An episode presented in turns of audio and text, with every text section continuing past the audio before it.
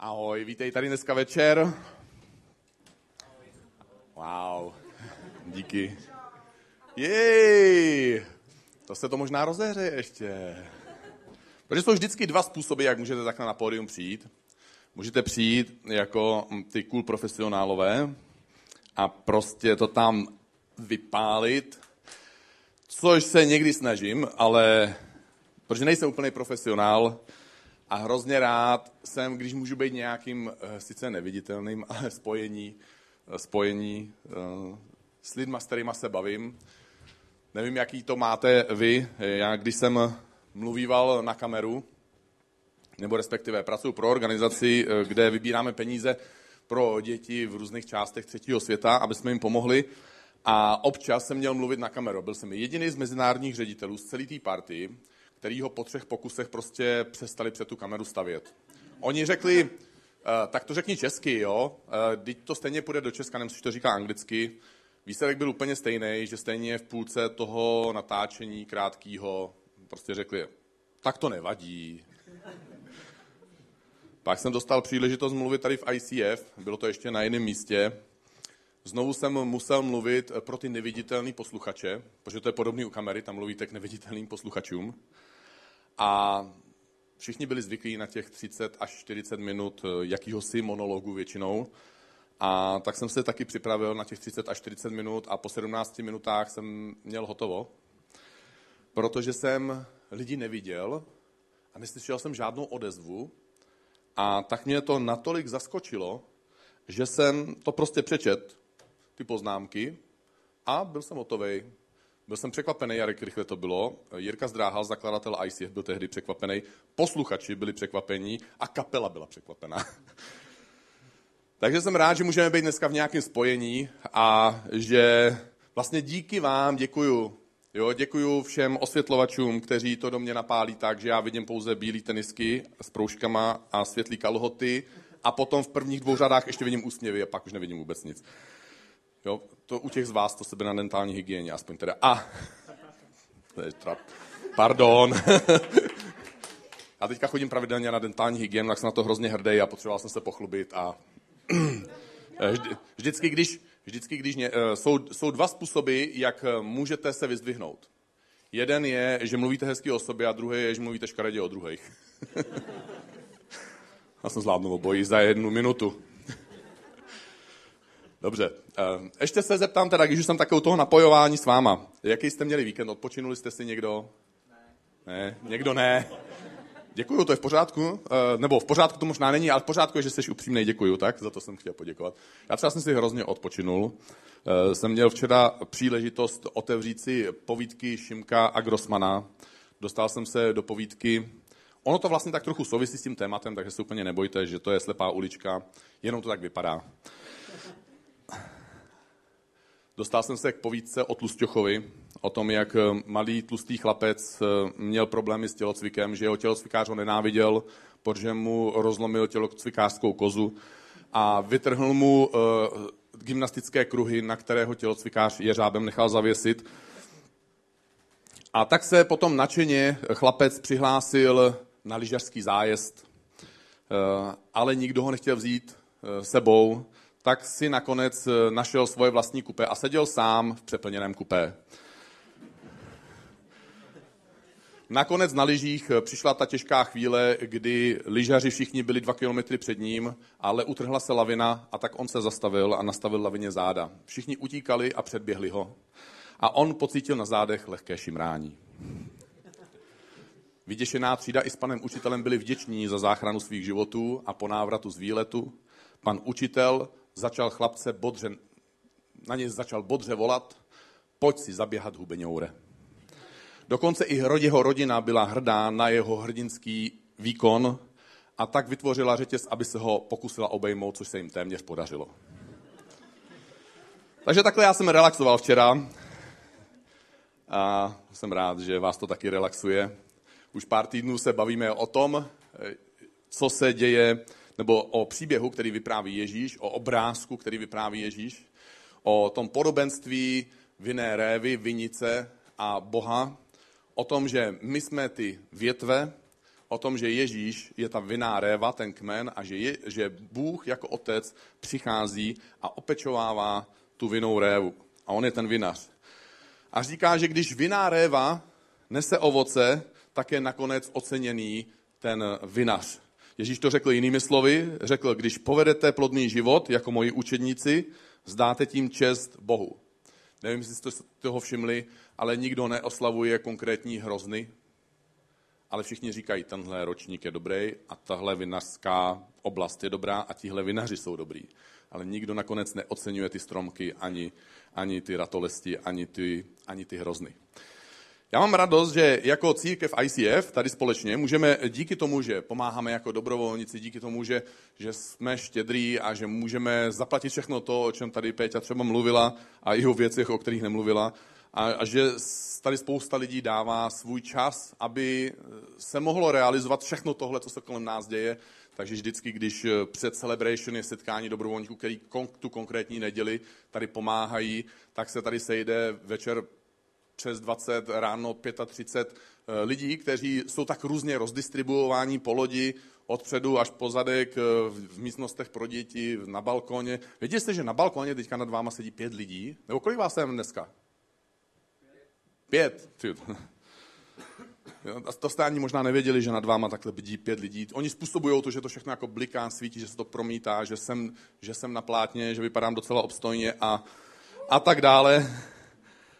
A tohle všechno se děje, já jsem na to hrozně vděčný, že tohle všechno eh, můžeme mít, že, eh, že jako ICF za posledních 6 let, každý rok v průměru pokřtíme 10 až 20 lidí, v průměru 15, takže krát 6 je to 90 lidí, kteří tady přijali Ježíše, vydali svůj život Bohu, chtějí ho následovat a chtěli to dát i Bohu najevo a lidem najevo i sobě jako stvrzení a nechali se pokřtít. Takže je to krásný. Je to krásný, že, eh, že mohlo tenhle rok začít ICF v Brně a že že pracujeme na tom a budeme mít ICF v Plzni, že jsme měli krásný muzikál, který navštívilo už přes tisíc hostů, přes tisíc diváků. Je to, je to krásná příležitost, jak můžeme lidem prezentovat příběhy o Ježíši jiným novým způsobem, že tady máme právě ty místnosti, kde děti jsou během nedělního rána, že máme tři takové místa a že téměř od nula roku, od šesti týdnů už můžete tady mít svoje děti já třeba mám rozptyl od jednoho do 20, takže ty starší samozřejmě už do dětských místností nepotřebují. Oni sedí tady tak trochu už i v sále, a, ale ty mladší já tam můžu takhle rozdistribuovat, takže jsem rád za to. A navíc, pokud jste nestihli muzikál, kdo jste nestihli muzikál? Nebo takhle, kdo jste byli na muzikálu, ať, vás, ať to je pozitivní, jo?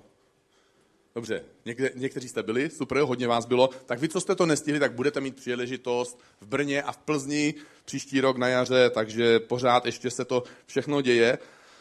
A na Vinici všechno funguje podle ročních období. Na jaře všechno startuje, v létě všechno dozrává, na podzim eh, přichází ta sklizení, o které jsme se bavili. A možná stejně jako tady v ICF, ty zažíváš, nebo jsi zažil ve svém životě sklizeň. Podobně jako já jsem teďka popisoval, co všechno Bůh tady dělá, co všechno se nám společně daří a jaký požehnání z toho můžeme mít. Takže možná máš firmu a má, tvoje firma má zisk, je to super, můžeš to užívat, nebo, nebo, tě, nebo se ti v práci daří, platí tě opravdu dobře a vypadá, že ti budou platit ještě líp, že budeš mít možná 13. plat nebo 14. plat, i když rok má 12 měsíců. Nebo třeba, že máš rodinu. Pro mě třeba to znamená hrozně moc. Já jsem, když jsem byl teenager a potom i mladý, dospělý, byl jsem, dospíval jsem, tak jsem si říkal, mm, takhle, já když jsem se podíval do zrcadla, tak jsem eh, při pohledu na to trošku vždycky ztratil sebevědomí, který jsem nabral zatímco jsem se vyspal. Eh, že jsem se nepovažoval za tak hezký, jako se považuji dneska dík... No to je oslepá ulička určitě, ale... V každém případě jsem nebyl nadšený, když to zjednoduším, a tak jsem občas šel po ulici a koukal jsem, jestli neuvidím nějakého kluka nebo chlapa, který jsou na tom podobně zoufalé jako já. A, a hledal jsem speciálně ty, vedle kterých půjde nějaká hezká dívka nebo hezká paní a ideálně třeba, kdyby měli spolu i děti. A, a díval jsem se na dvě věci, radoval jsem se ze dvou věcí. Za prvý teda, že mám naději, jestli on mohl, tak mám taky naději. A to druhý, že jsem se díval na ty děti že to nějak nepoznamenalo. Takže jsem měl hned dvě naděje. Takže máš třeba rodinu a máš radost, jo? máš děti, máš radost. E, přivedl si třeba kamaráda k Bohu. On přijal, dal svůj život Ježíši a říkáš si, mám z toho radost, je, je to tvoje ovoce, tvůj výsledek. A sklizeň v našem životě může mít samozřejmě mnoho podob. A po sklizni na vinici přichází zima a já než budu pokračovat, protože asi cítíte, jste inteligentní a dospělí, kam to bude mířit, tak pojďme se nejdřív podívat, jak na videu, na videu, jak na videu vypadá zima. Jak na vinici to vypadá, nebo co se na vinici děje, když tam je zima.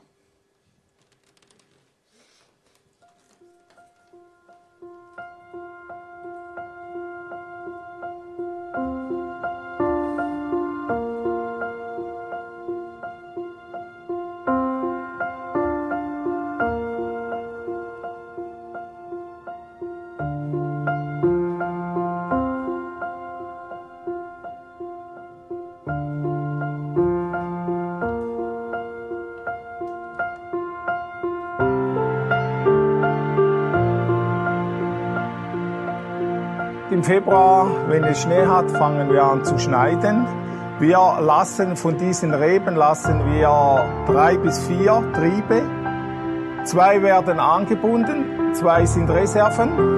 Die, wenn, wenn der Trieb kaputt geht, kann man noch mal eine anbinden. So bringen wir wieder ein System hinein. Vorher ist ja alles wild, es hat zu viele Triebe. Darum reduzieren wir schon im Winter wieder auf zwei und äh, das gibt äh, relativ viel Arbeit. Man muss jeden Stock muss man individuell anschauen. Wie schneidet man das? Ist eigentlich eine sehr interessante Arbeit. Und äh, hier mit, dieser, mit diesem Schnitt wird eigentlich schon wieder äh, das ganze System aufgebaut für die Zukunft.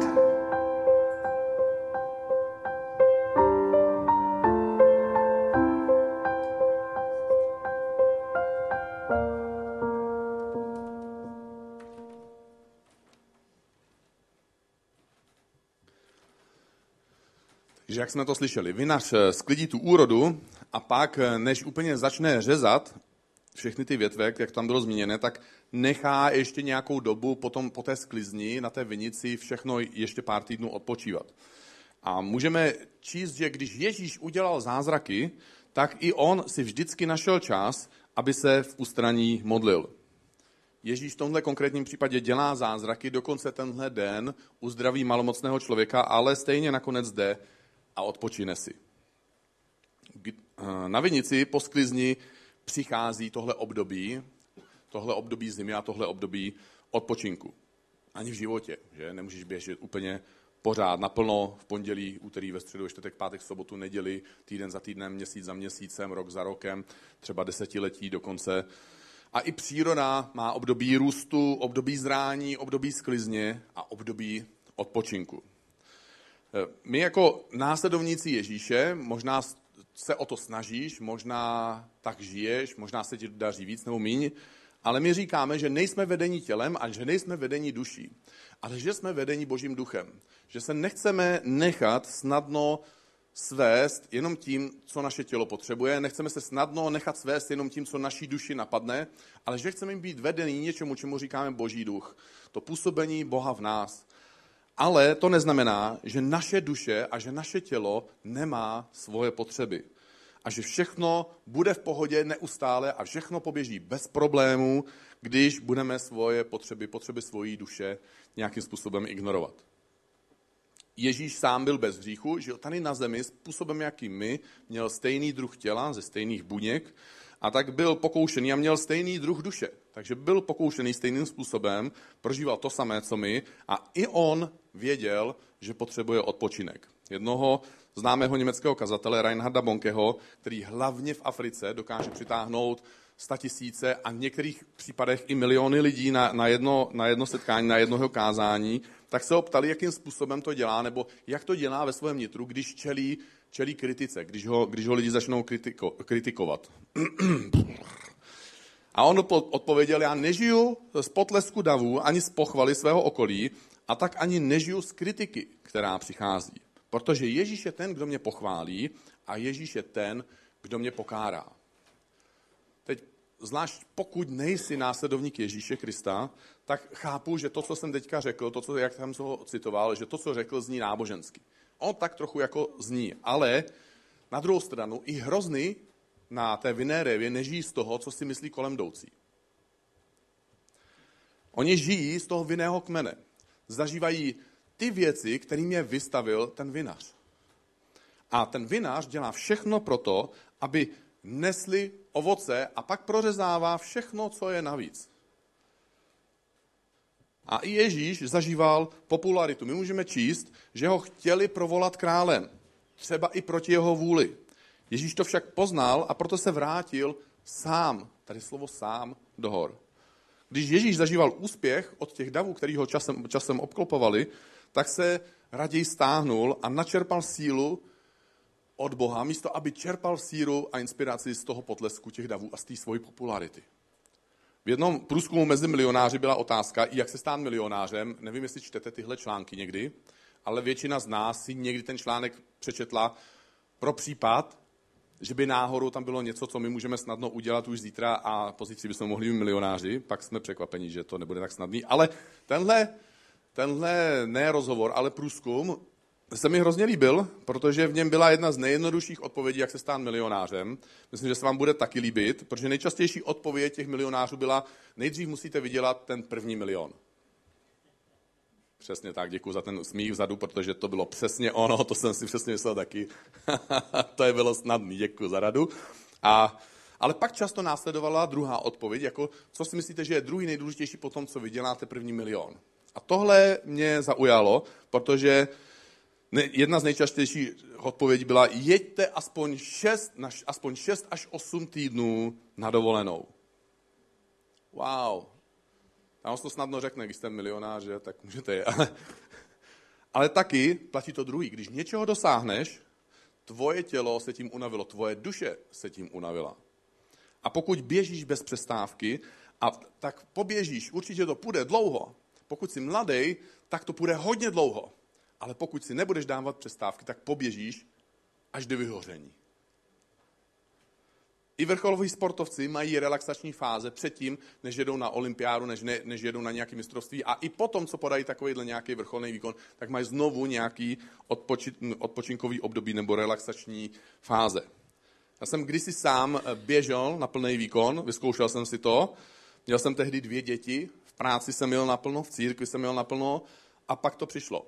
Jsem málo spal, eh, měli jsme málo peněz, měl jsem stresu nad hlavu a i ta dovolená, kterou jsme jeli, pro mě byl stres, protože mě, jsem za ní zaplatil penězma, který jsme ve skutečnosti neměli. Takže pak to přišlo. Bum! Tělo, moje tělo, řeklo stop. Já jsem uh, byl tehdy na cestě ze, do Švédska, kde jsme jako celý autobus jeli na křesťanskou konferenci uh, a někdy po půlnoci, někde v polském přístavu, uh, jsme pár hodin čekali, mě začaly svírat bolesti břicha, šel jsem na toaletu, tam jsem nevěděl, jestli mám na tu místu sednout, nebo jestli před ní kleknout, protože to lítalo horem a spodem a nevěděl jsem, co bude dřív. Pak, když už nebylo, co by mohlo jít ven, tak křeče dál stupňovali. Najednou mi bylo jedno, jestli dlaždičky jsou studený nebo vytápěný, jestli podlaha je čistá nebo, nebo není čistá, jestli kolem stojí lidi, jak se dívají, co si tváří, co, jak si, co si myslí. A začal jsem vytvářet pohyby slimáka posypaného solí. Přesně tak, děkuji za soucit. Tou dobou my jsme v církvi zažívali už úspěch. Eh, právě skončilo období, kdy církev eh, nerostla a začala růst, docela hezky začala růst početně. Příjmy církve začaly růst, takže to bylo hrozně pozitivní. My sami jako rodina jsme měli na cestě nový bydlení, ale moje tělo a moje duše tak dlouho nedostávaly odpočinek, že, že řekli, že se mě nebudou ptát, podobně jako já jsem se neptal jich. A že si všechno vyberou i s úrokama. A právě tou dobou nás navštívil starý eh, americký kazatel už důchodu a ten už měl ve svém životě spoustu ovoce, spoustu výsledků, spoustu úspěchů. Eh, strávil velkou část svého života v Jižní Koreji, kde pomáhal korejskému pastorovi založit sbor, který má dneska milion lidí ve svém, v tom jednom konkrétním sboru, v té jedné konkrétní místní církvi. Takže mají problém, že když mají jenom šest bohoslužeb za neděli, protože víc jich nestihnou a mají místnost jenom pro 40 tisíc lidí, tak se jim tam vejde jenom za tu neděli jenom čtvrtina jejich církve. protože víckrát to nestačí otočit. Chudáci mají problémy. A tak jsem se optal, když má tolik zkušeností, tak jako nějak obecně. Jo, nechtěl jsem být konkrétní, nechtěl jsem mu říkat, že to je můj problém, protože nejsem blbej, že jo, proč bych se takhle práskal. A říkal jsem, proč i lidé, já to chápu, že je nevěřící člověk, který kvůli prachům jako zblbne a chce si zrujnovat život a rodinu a všechno a zdraví, takže to udělá. Ale proč i věřící lidé, kteří mají navíc k dispozici toho Boha, který je nekonečným zdrojem energie, který je, na kterého můžeme vždycky všechno odhodit, všechny svoje starosti, který nám může kdykoliv pomoct. Jak to, že i tihle lidé, dokonce kazatelé, můžou někdy mít infarkt nebo vyhořet. Jsem tak jako rozhodil, protože nejsem právě blbej, ale pan kazatel už měl právě ty zkušenosti a taky nebyl blbej.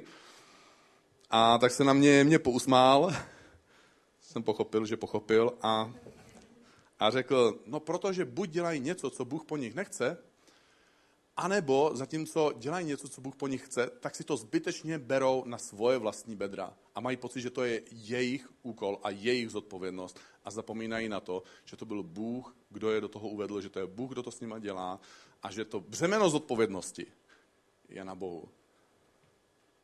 A tak nesou zátěž, kterou nosit nemusí a vlastně ani nedokážou. Ježíš dopřál svoji duši odpočinek. A v jednom žalmu v Bibli se píše, upokojte se a vězte, že já jsem Bůh.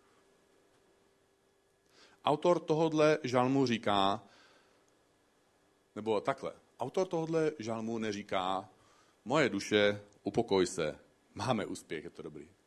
Nebo neříká, moje duše, upokoj se, máme dost peněz. On říká, moje duše, upokoj se, protože Bůh je s tebou. Všechno, co máme jako následovníci Ježíše, všechno to máme od Boha. A my někdy v tom svém nadšení, svatým nadšení, někdy v té radosti, nechtěně zeměníme dárce za dar a začneme být tak moc vděční za ty dary, které dostáváme a přestaneme být vděční tomu, kdo je nám dává. Hmm. A vrátím se ještě k obrázku té vinice. Protože, jak jsme si řekli, po jaru logicky teda na vinici přichází léto, pak podzim a nakonec zima. A po nějakém odpočinku eh, na té vinici, na té podzimní vinici, nakonec přichází to ořezání, o které, které bylo zmíněné v tom videu. A při tomhle ořezání jsou oříznuté téměř všechny větve. Dokonce i ty větve, které nesly to ovoce. A najednou tenhle vyře, ořezaný vinný kmen vypadá hrozně smutně. A tohle všechno se na té vinici stane z jednoho prostého důvodu. Aby ten příští rok tahle viná réva znovu nesla ovoce. Já po svém vyhoření jsem musel hodně věcí ve svém životě přehodnotit a hodně věcí jsem musel a taky chtěl přestat dělat. I v ICF je spousta věcí, které by bylo skvělé mít, ale my je nemáme. A není to tak, že bychom je nechtěli mít, že by to nebylo skvělé je mít. Ale aby jsme mohli mít ovoce, které jsem na začátku zmiňoval, tak některé věci prostě nemůžeme dělat, i když je to dobré, i když je to hezké, a když by to bylo pro církev krásné takové věci mít. My v ICF musíme dělat to, co Bůh chce, aby jsme mohli nést ovoce, který Bůh v nás nějakým způsobem působí. Já jsem si udělal takový mikroseznam, už ho možná vidíte, toho všeho, co by bylo v ICF hezké mít, ale nemáme to. Já to zkusím rychle projít. projít. Bylo by to skvělé mít placený pastorační tým, protože lidi mají tolik problémů, tolik zážitků z minulosti, tolik ran si neseme v sobě, tolik lidí nám ublížilo, tolik těžkých živ- eh, situací jsme zažili a navíc si neseme někdy i nějaký vlastní třeba, třeba duševní poruchy máme deprese nebo něco takového. Takže by to bylo skvělé mít tady tým lidí, kteří by takhle mohli lidem pomáhat. Bylo by to skvělé. My tady máme kurz Excited for God, pomáhá to lidem objevit jejich dary, jejich směr, jejich smysl života.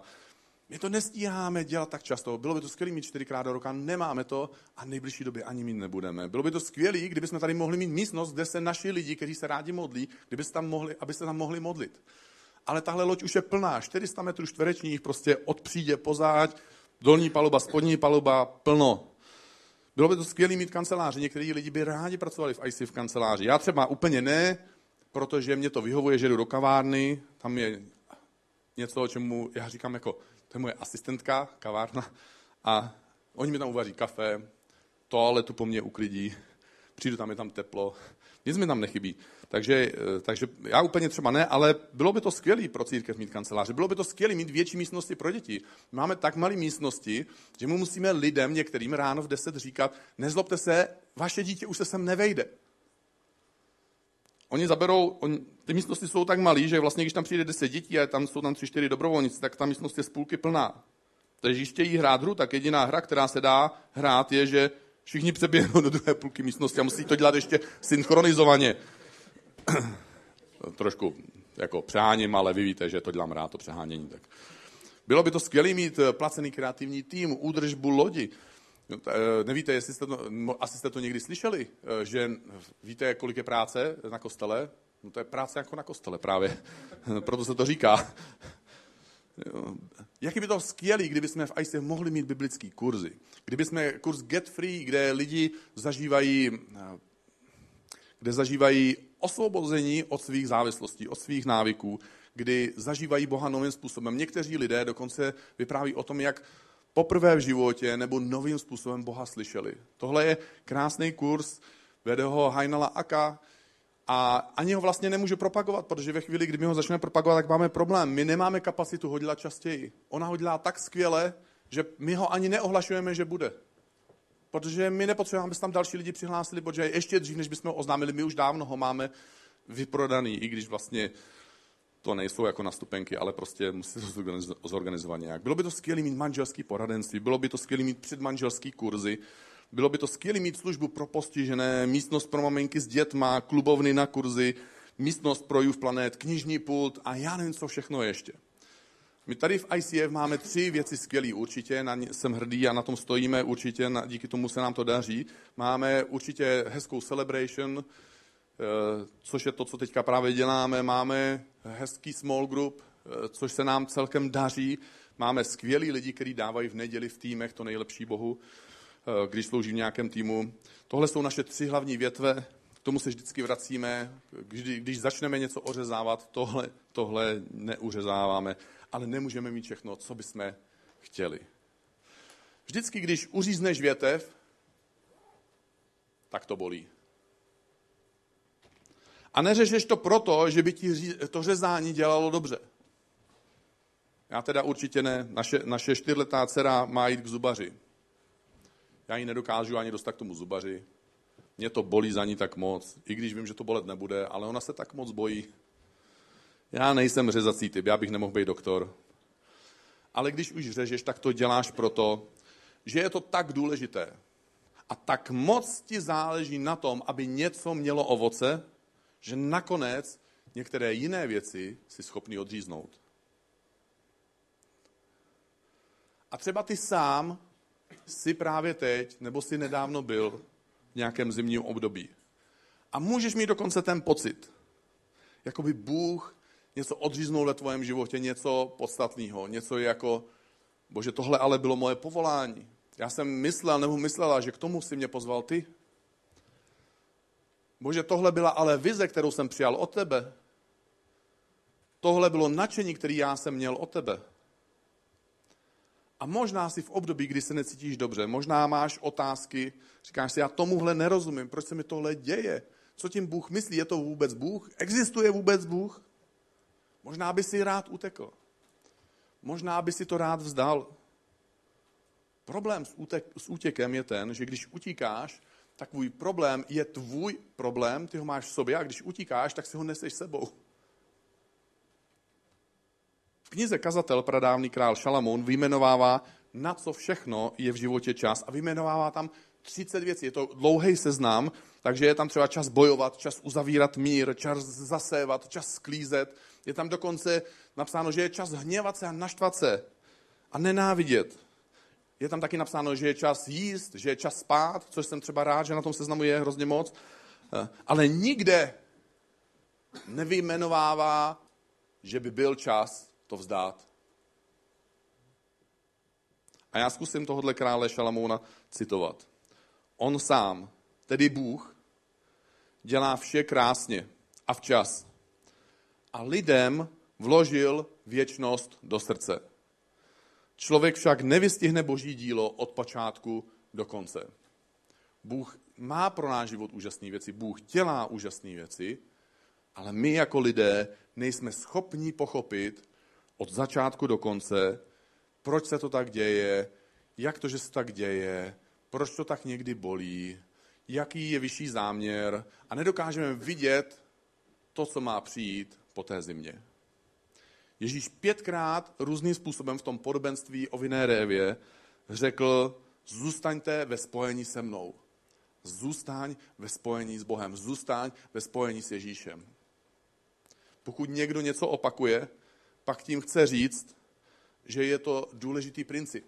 A Ježíš tuhle myšlenku během jednoho krátkého příběhu opakuje pětkrát. Říká, zůstaň ve spojení se mnou. Zůstaň ve spojení se mnou, i když zažíváš období zimy. I když je všechno, nebo zdá se ti, že je úplně všechno odřezáno, protože není. Protože vždycky tam Bůh nechává nějakou větev. Zůstaň ve spojení se mnou, i když nevidíš žádný květy, i když nezažíváš léto a i když zrovna nezažíváš sklizeň. Protože tohle je speciální období. Takovýhle období sice není příjemný, ale má jednu výhodu. Tomhle období poznáš, kdo opravdu jsi. Protože si začneš klást otázku, kdo jsem, když nemám úspěch. Protože my se někdy tak moc identifikujeme s vlastním úspěchem. Začneš si odklá- odpovídat na otázku, kdo jsem, když nemám nic. Protože tak často se identifikujeme s tím, co máme. Kdo jsem, když jsem sám? Protože se tak často identifikujeme s lidma, kteří nás obklopují. Kdo jsem, když se nikdo nedívá? Protože tak snadno žijeme ty dva životy. Jeden, když nás lidi vidí, druhý, když jsme sami. Kdo jsem, když hraju na klávesi a nikdo mě neslyší?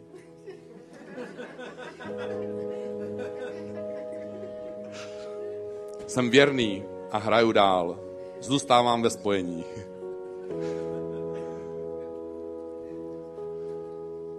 Kdo jsem, kdybych měl zítra zemřít? Když jsem v situaci, kdy už vlastně se ani nepotřebuju starat o peníze, už si nepotřebuju starat o to, co si o mě lidi myslí a konečně můžu začít myslet, kým jsem vlastně mohl být. Protože už nejde ani o pozici, ani o titul. Kdo jsi, když už ti zbyl jenom Bůh? A když jediný, co máš, je vědomí, že On je s tebou. A možná pochybnost, ale naděje, že snad je se mnou. Jsou tři okruhy nebo tři úrovně přátelství, které v životě máme. Máme přátele, které jsme si vybrali a ti přichází do našeho života, ale taky často odchází. Máme svoji rodinu, to jsou lidi, který jsme si nevybrali, ale za normálních okolností jsou s náma vždycky od začátku až do konce toho pozemského života. A nakonec máme Boha, který je s námi tady v tu chvíli, byl s námi předtím, bude s náma i potom a bude s náma, i když překročíme, překročíme ten práh věčnosti a přejdeme z toho pozemského života do toho věčného života. On je s námi navždy.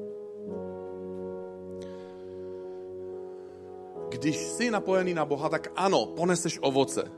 Ale to není ten hlavní bod a ta hlavní myšlenka toho, co Ježíš říká v tomhle podobenství, v tomhle obraze o vinici, vinné révě, ratolestech, větvích a Bohu jako vinaři. Ježíš říká, zůstaň ve mně a dovol mi, abych já zůstal v tobě. Ježíš říká, není čas dávat se, není čas vzdát se Boha. A když jsme napojeni na kmen i v zimě, pak všechna energie, která je v tom kmeni, dřív nebo později, začne proudit dál. Začne projevovat svoji sílu.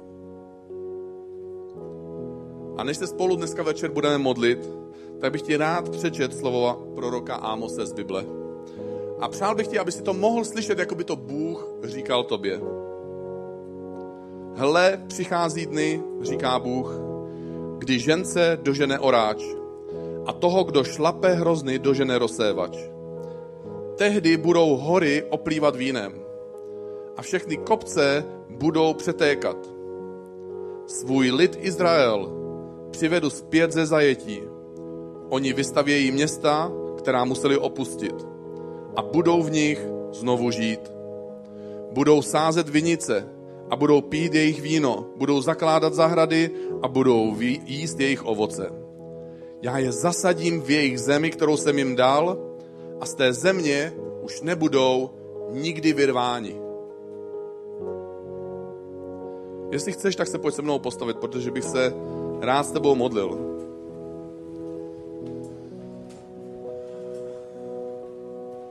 Bože, dneska večer ty sám vidíš, kdo tady jsme. Že jsme tady různí lidi. Někteří z nás jsme tady znovu a znovu, protože tohle je náš domov. Někteří z nás sem občas přijdeme, někteří z nás jsme tady poprvé. Někteří z nás dokonce ani nevíme, jestli seš. A jenom to posloucháme, říkáme si, jo, to je teda přitažený. Ale Bože, každý z nás tady je teďka v tuhle chvíli a každý z nás, pokud chceme, můžeme otevřít svoje srdce k Tobě.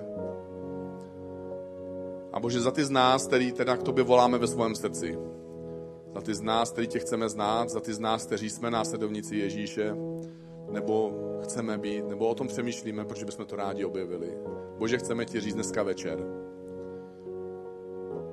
Bože, nauč nás být napojený na tebe v jaře, na jaře, v létě, na podzim i v zimě. I v tom období, kdy to vypadá, že nedává nic smysl. Kdy to vypadá, že všechno z našeho života bylo odříznuto. Že všechno, co jsme měli rádi, na čem nám záleželo, zmizelo. Že i ty větve, které dávaly smysl, které dávaly naději, najednou jsou pryč. Vztah, který jsme měli, je pryč. Jistota v práci, kterou jsme měli, je pryč. Někoho, koho jsme měli rádi, je pryč. Pocit smyslu života je pryč.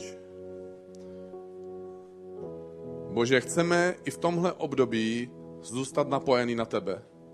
Chceme, Bože, aby si byl pro nás ten vinný kmen. Chceme, aby si byl ten náš vinař, který nás připravuje na to další jaro. Aby jsme znovu mohli čerpat ze síly a moci, která proudí v kmeni, na který jsme napojení a kterým je Ježíš Kristus. Já se modlím dneska večer za každého, kdo je v tomhle sále, Bože, ve jménu Ježíše Krista, aby si každýho udržel napojenýho, aby si každýho ochránil, aby, aby každý z nás mohl svým způsobem vidět naději. Bože, buď naším Bohem, buď naším kmenem. My z tebe čerpáme, ty jsi náš zdroj. A za to ti děkuju. A každý, kdo s tím souhlasí, řekne Amen.